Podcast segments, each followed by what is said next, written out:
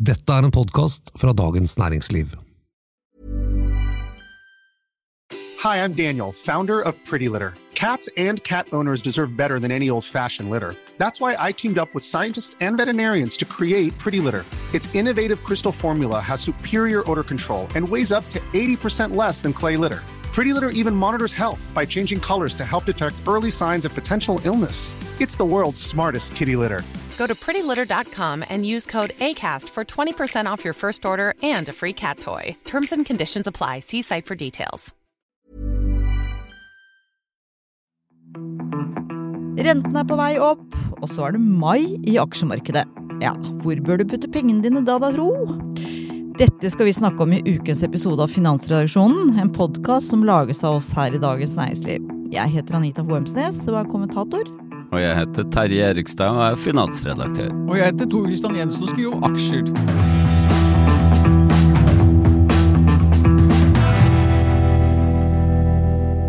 Ja, altså Mai har jo et særdeles dårlig rykte i aksjemarkedet. Kanskje mer i år enn noen gang, tenker jeg.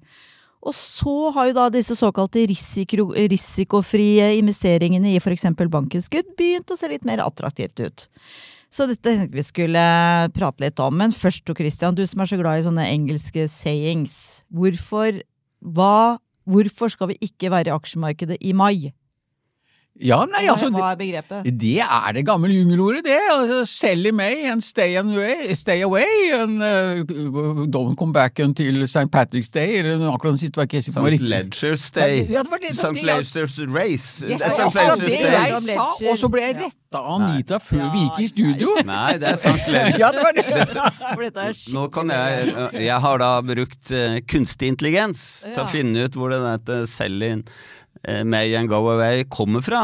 Mm. Og ifølge den kunstige intelligensen så var dette noe som oppsto i London, eh, i City, hvor, finansdistriktet. Hvor aristokratene dro eh, I mai dro de tilbake til sine gods. Og holdt seg litt sånn borte fra sommervarme og skitne City på sommeren. Og så kom de tilbake til et sånt uh, hesteveddeløp, eller hva det var, St. Ledgers Day i september. Og så begynte de å handle igjen da. Så de holdt seg unna, unna i sommermånedene, og så handla de i vintermånedene.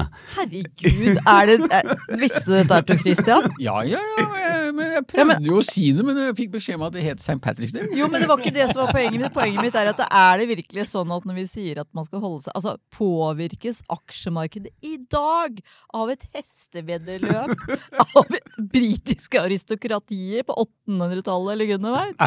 Ja, altså nei, det er, det er mer i Aksjemarkedet, enn man skulle tro, det er ikke noe tvil om. Mer mellom himmel og jord Ja.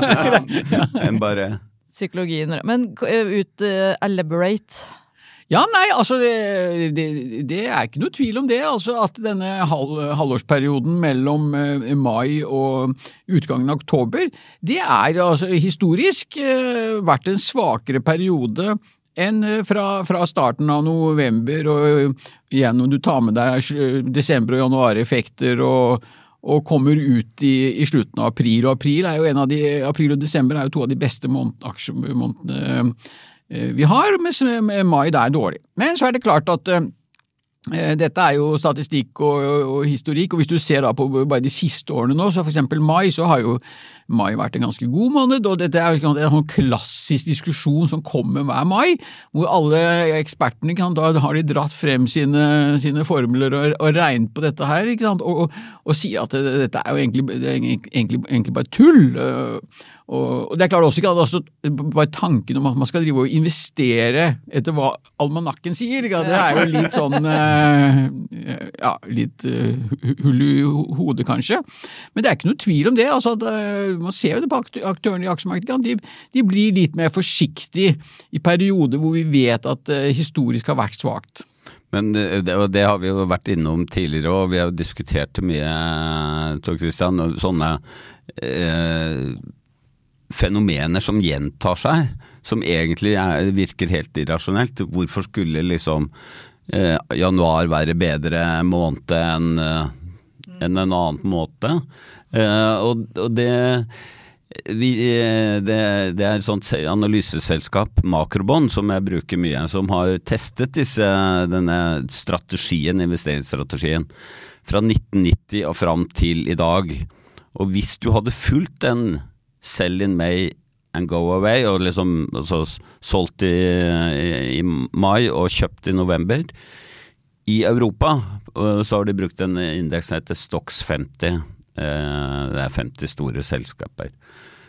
Da hadde du faktisk tredoblet eh, avkastningen din. Hvis du hadde fulgt denne strategien i Europa fra 1990 og fram til nå. Og bare, bare holdt pengene i, hatt nærmest i madrassen da, mellom eh, fra juni og ut Det er jo helt utrolig, for det blir, vitner jo nesten litt om selvoppfyllende profeti hvis det ikke handler om at uh, selskapene leverer dårlige resultater om sommeren, f.eks. Ja, men så har de testa denne samme strategien i USA, på SMP 500. Og der er det motsatt. Oh, ja. Der du, hadde du tapt eh, betydelig avkastning eh, hvis du hadde vært ute av aksjemarkedet, tatt liksom ferie fra aksjemarkedet seks måneder i året, hvert, hvert, av årene. Nå er jo alt dette liksom teoretisk, fordi eh, det er sånn følger, Det er bare en indeks, da. Altså i praksis så koster det jo å kjøpe og selge osv. Men, men det illustrerer jo at her er det liksom to av de største aksjemarkedene, og det er 50-50. Så jeg, det er gambling. Det er gambling. Vi har ikke så mye sånn hesteveddeløp borti Nei. Nei, men det, ja, for, poenget er jo ikke sant, altså, du, hvis du ser på hvordan en uh, aksje verdsettes, så uh, i hvert fall for de aller fleste tilfeller, så er det jo slik at man, uh, man gjør noen estimater på hvilke konstantstrømmer kan dette selskapet ventes å bringe inn i, inn i evigheten. Eller la oss si at man prøver å gi noen estimater på de neste ti årene, og så legger du et eller annet sånn vekstelement på, på slutt, sånn terminalledd, som det heter. Og så eh, må man jo diskontere disse pengene da, til, til kontantstrømmen tilbake til dagens verdi, og så må du trekke fra, fra, fra gjelden, og da får du en eller annen eh, verdi. Så dette, så, dette, er jo sånn langsiktige vurderinger på hvor mye et selskap er verdt. Og da eh, fremstår det jo rimelig opplagt at om, det er, om datoen er 3. mai, eller om den er 4. Eh, april, det er jo ett fett. Men samtidig så ser vi jo det. I aksjemarkedet hver eneste dag så reprises jo aksjer. Det kommer ny informasjon som gjør at uh, selskaper um, uh, fornyper For eksempel typisk oljeselskap, oppstrømsselskaper, Equinor, Aker BP de svinger jo med oljeprisen eh, ganske eh, konstant, mm, selv om det nå har vært litt avvik nå eh, den siste tiden, spesielt for Equinor. Se på oppdrettsselskapene, akkurat samme der, svinger jo med eh, lakseprisen. Og, det er også litt rart, kan si, for sånn dagens laksepris skal vel ikke bestemme verdien av et oppdrettsselskap langt inn i, i fremtiden. Så, men, men det, er, det er altså slike effekter. Men jeg har, jeg har, nå kommet på kanskje en, bare en sånn teori om hvorfor det kan være en sånn sell in May, go away-effekt. Nemlig at vi har jo snakka om at analytikere, som jo da lager estimater på hva selskapene skal tjene, og som investorer gjerne ser på, da. De analytikerne er jo ofte sånn tenderer til å være for optimistiske. Og det kan jo hende det er, det er, kanskje ikke fordi de alltid tar feil, men kanskje fordi de, de liker ikke å, å, være negative til selskapene, som jo er viktige kunder for uh, meglerhusene osv.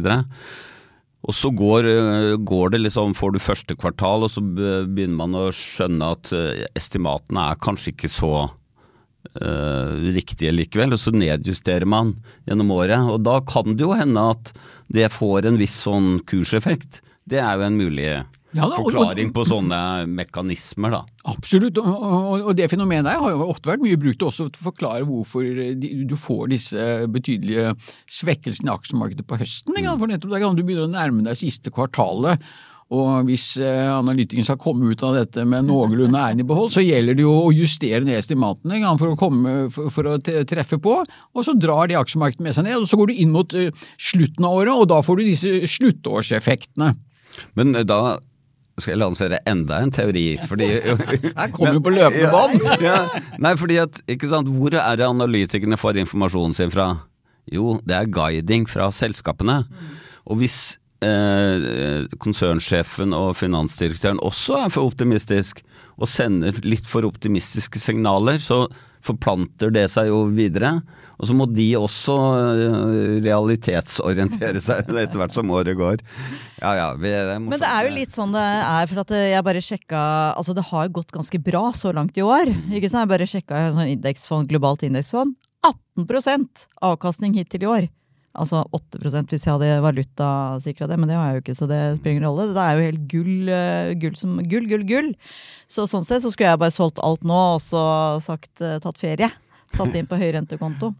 Men, uh, men det har gått ganske bra i aksjemarkedet og i selskapene som har levert nå for første kvartal.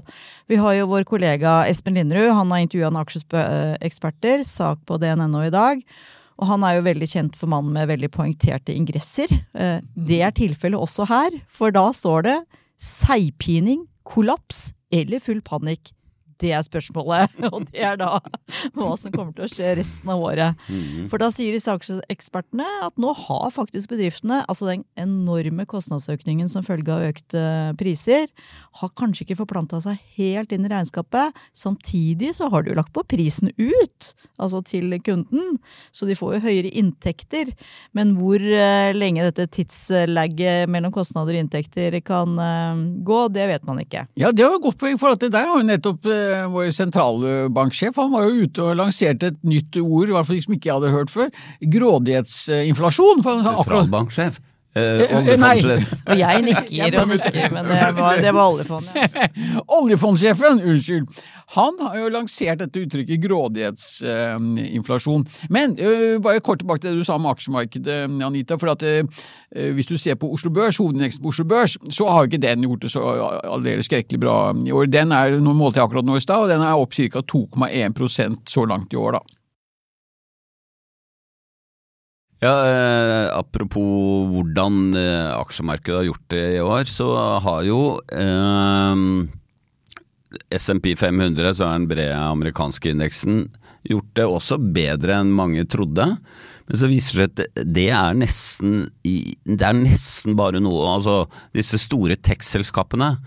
Og veldig mye av det igjen er drevet av kunstig intelligens, som jeg var innom tidligere. Eh, Det er noen, et anslag som jeg så, som eh, egentlig hvis ikke det hadde vært en sånn AI- eller KI-drevet Kunstig intelligens. kunstig intelligens-drevet investeringsboom nå, så ville markedet ha vært ned 2 og ikke opp 8 Akkurat. Eh, Sånn at det er, det er en veldig Hva skal vi si eh, Det er ikke en sånn bred oppgang som eh, man eh, ser når det er veldig jeg håper å si, gode tider i aksjemarkedet. Den er, den er mer eh, Den er smalere og dermed litt skjørere. Nemlig. Og det veit vi jo, vi har snakka mye om aksjemarkedet, og hvor vanskelig det er å spå om det. Selvfølgelig. fall Og hvordan, fremover. I hvert fall fremover. Small details are big surfaces. Tight corners or odd shapes. Flat, rounded, textured, or tall. Whatever your next project, there's a spray paint pattern that's just right. Because Rust new Custom Spray 5 in 1 gives you control with five different spray patterns. So you can tackle nooks, crannies, edges, and curves without worrying about drips, runs, uneven coverage, or anything else. Custom Spray 5 in 1. Only from Rust When you're ready to pop the question, the last thing you want to do is second guess the ring. At Bluenile.com, you can design a one of a kind ring with the ease and convenience of shopping online. Choose your diamond and setting. When you find the one, you'll get it delivered right to your door. Go to Bluenile.com and use promo code LISTEN to get $50 off your purchase of $500 or more. That's code LISTEN at Bluenile.com for $50 off your purchase. Bluenile.com code LISTEN. Hey, it's Ryan Reynolds, and I'm here with Keith, co star of my upcoming film, If, only in theaters, May 17th. Do you want to tell people the big news? All right, I'll do it. Sign up now and you'll get unlimited for $15 a month in six months of Paramount Plus Essential Plan on us. Mintmobile.com slash switch. Upfront payment of $45 equivalent to $15 per month. Unlimited over 40 gigabytes per month. Face lower speeds. Videos at 480p. Active Mint customers by 531.24 get six months of Paramount Plus Essential Plan. Auto renews after six months. Offer ends May 31st, 2024. Separate Paramount Plus registration required. Terms and conditions apply if rated PG. Men derfor så skulle vi da egentlig snakke om eller egentlig, vi skal også snakke om renten. Mm. Fordi nå, da, som uh, Tor Christian plutselig oppdaga, så er det mulig å få en innskuddsrente på over 4% i uh, noen banker. Og selv om da inflasjonen fortsatt er godt over det, så er jo det på en måte en uh, grei pris på en helt risikofri investering. Mm. Hva betyr egentlig høyere renter for andre enn oss vanlige småsparere? Ja, altså Det store bildet når det gjelder renter og aksjer, er at når sentralbankene setter opp renten, så er det dårlig avkastning i aksjemarkedet. Når sentralbankene begynner å sette ned renten, så er det god avkastning. Det er en studie som ser på tall fra 1900 og fram til nå for alle utviklede markeder, og de har analysert dette i USA og Storbritannia. Altså en realavkastning i perioden da, der sentralbankene setter ned renten, den amerikanske, er 9,4% etter inflasjon. I perioden hvor de setter opp, så er den 2,6. I Storbritannia er forskjellen enda større. Der var det 8,5% realavkastning i året. I perioder hvor banken, Bank of England setter ned renta. Og så var det 0,7 i perioder hvor Bank of England setter opp renta. Sånn at det har vi jo sett også. Det er jo det som på en måte tok knekken på den aksjeboomen i USA. ikke sant? At Fed begynte å sette opp renta kraftig, Tor Christian? Ja, for det er en annen saying i, i aksjemarkedet. At når sentralbanken begynner å heve renter, da er det alltid et eller annet som går i stykker. og Det har vi jo sett Flustad-eksempler på. Diverse regionalbanker i USA som har gått, gått føyken. Og ennå er de jo ikke ferdig med å heve styringsrenten. Og det vi ser er jo at både styringsrenten, som da påvirker renten i den korte enden, men også renten i den lange enden Mm. har jo gått opp. Riktignok det har fluktuert noe, den har vært høyere for ikke så altfor lenge siden i forhold til den er er nå, men i hvert fall i forhold, historisk så er rente både på kort og lang sikt eh, høye, og det siver jo da også inn i, i bankene og forretningsbanker, som gir da bedre vilkår til folk som plasserer pengene sine der. Og så er det sånn at i Norge da, så lager Finans Norge sammen med de andre selskapene som driver innen fondssalg og, og aksjeforvaltning, en bransjestandard.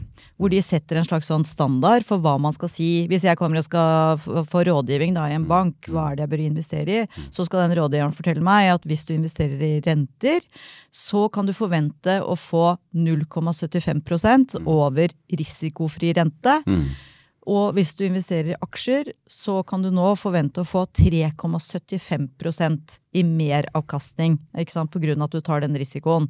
Dette er jo på lang sikt. Og, ja. ja. Mm. Dette er jo på lang sikt, Mm. og, og liksom selvfølgelig ikke ja, sånn. Men dette er det de sier. Mm. Og det vil jo si da at uh, aksjemarkedet i teorien skal gi meg en avkastning på rundt 8 Mm. Fordi den risikofrie renten nå hos bankene ligger rundt 4% Altså du kan få et innskudd på det. Høres litt mye ut, altså. Ja, altså ikke sant, Avkastning i aksjemarkedet er jo to elementer. Det ene er direkteavkastning, altså hva selskapene betaler ut. Enten i form av utbytte eller tilbakekjøp av aksjer. Og det andre er eh, kursendring.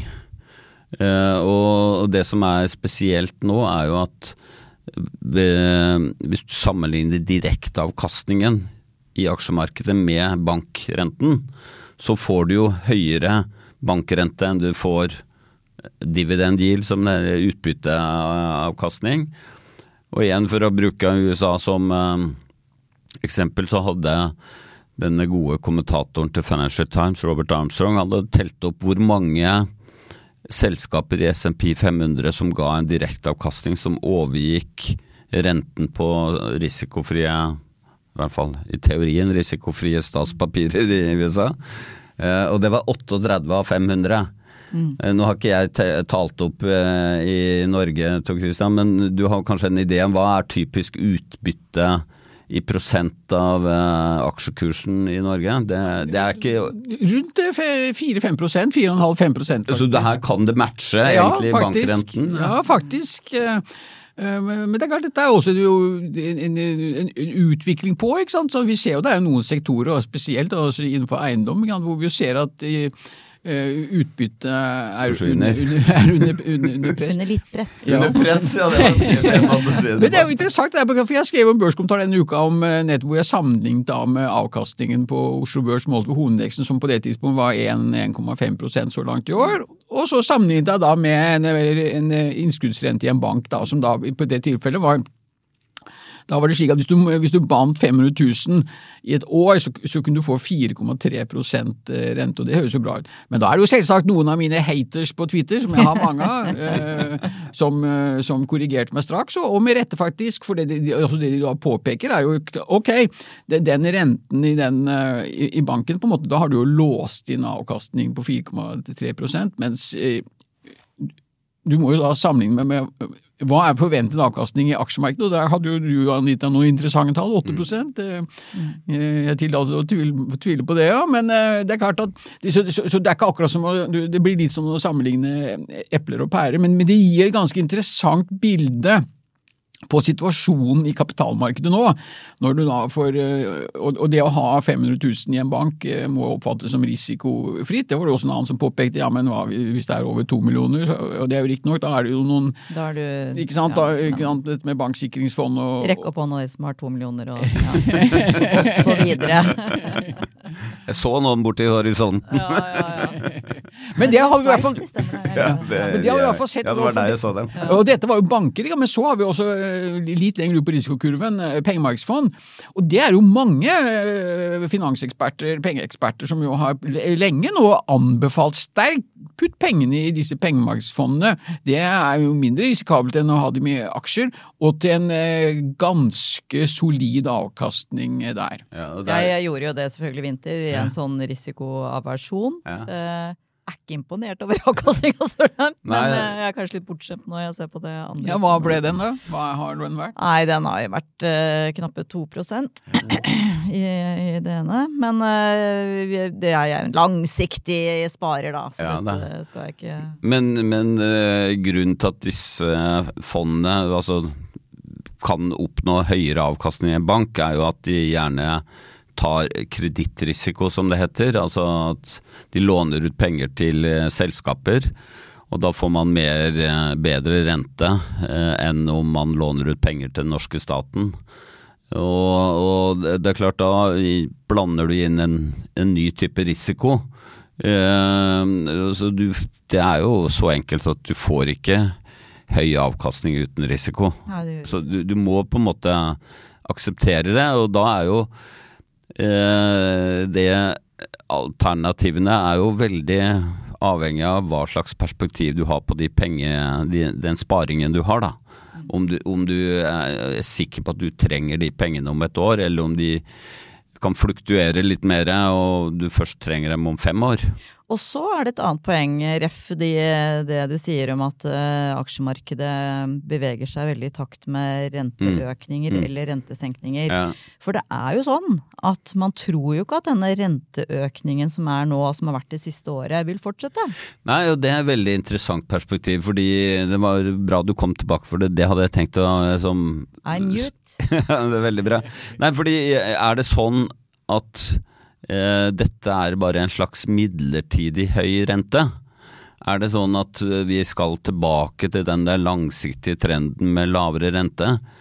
Og det er jo ingen som har svaret, men Det internasjonale pengefondet analyserte nylig dette, og deres liksom økonomer mener at de, de eh, lange trendene kommer til å slå inn igjen når inflasjonen er kommet ned. Da vil eh, rentenivået gå tilbake igjen til et lavt rentenivå, sånn som vi hadde før pandemien. Eh, og eh, Eller trenden var sånn før pandemien. Og det Det er fordi at eh, det er lav produktivitetsvekst i de rike landene. Det er en eldre Befolkningen blir snitt eldre. Og man sparer mer også de, for å nettopp kunne ha penger til pensjon. Eh, og andre, noen andre faktorer òg som gjør at at kanskje dette er en mulighet for å låse inn en høy rente for en periode, da. Jeg veit ikke om uh... Vil du gjort det, Tor Christian? Du gir jo aldri personlige råd, selvfølgelig, men eh, Nei, nei, nei, det, det vet jeg faktisk ikke, men eh, det er jo når du tar dette med å låse inn avkastning, så er det jo interessant. Ikke sant? Det er jo ikke så, ikke så langt tilbake i tid før amerikanske statsobligasjoner, kanskje både 10, 20 og 30 års løpetid, ikke sant? ga en avkastning på mellom 0 og 1% og det var det da folk som frivillig låste inn avkastningen, eller kjøpte den slags papirer på den type eh, avkastning. Da. Ja, altså tyske statsobligasjoner, det måtte jo egentlig betale for å få lov til å eie dem. Og, og det er klart at det Tenk hvis noen har låst seg inn på Ja, ja. Altså, noe av det mest ekstreme var jo de som kjøpte da eh, statsobligasjoner eh, utstedt av Østerrike med 100 års løpetid og fast rente. Hvis du ja, da, da, da, ikke sant. Verdien av de obligasjonene har jo da falt kraftig. Fordi eh, når du har fast kupongrente, eh, som er liksom den renten du, du får inn på kontoen din, eh, og den renten er veldig lav sammenlignet med markedsrenten, så er jo den obligasjonen veldig, veldig dårlig investering. Jeg så det på VFF, Verdipapirfondets forening, har jo en statistikk hvor de samler inn hva som blir kjøpt og solgt av eh, fond eh, hver måned. Og hittil i år da, så var det langt mer penger som har gått inn i rentefond Mm. eh, framfor aksjefond. Mm. Og obligasjonsfond, der var det tap. Eller der var det netto nedgang. Mm. Så der er det mange som har rømt der. Ja, men da kan det være at en del folk tenker at eh, nå får jeg akseptabel eh, avkastning i rentefond. Eh, Der er det greit å være en periode. Og så får vi heller eh, gå inn igjen i aksjemarkedet når, eh, når sentralbankene begynner å ha fått kontroll over inflasjonen og begynner å sette ned renta igjen. Så det blir ikke sånn sell in May and go away. Det blir sell in May and go away until the banks reduce their interest rates. Ja, ja. Nei, men det tror jeg kanskje kan være så mye som vi kan gi av råd på investeringsfronten. At aksjemarkedet går opp og ned. Renten er høy akkurat nå, men vi vet ikke hvor lenge det vil vare. Tusen takk for at du hørte på Finansredaksjonen denne uken. Tips gjerne om at vi finnes til venner og kjente. Vår produsent er Gunnar Bløndal. Ha det bra!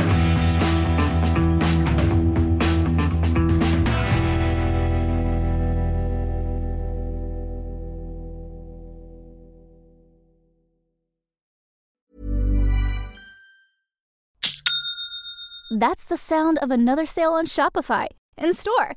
Shopify POS is everything you need to sell in person. From payments to inventory, Shopify unites your sales into one commerce platform. Sign up for a $1 per month trial period at shopify.com slash retail23.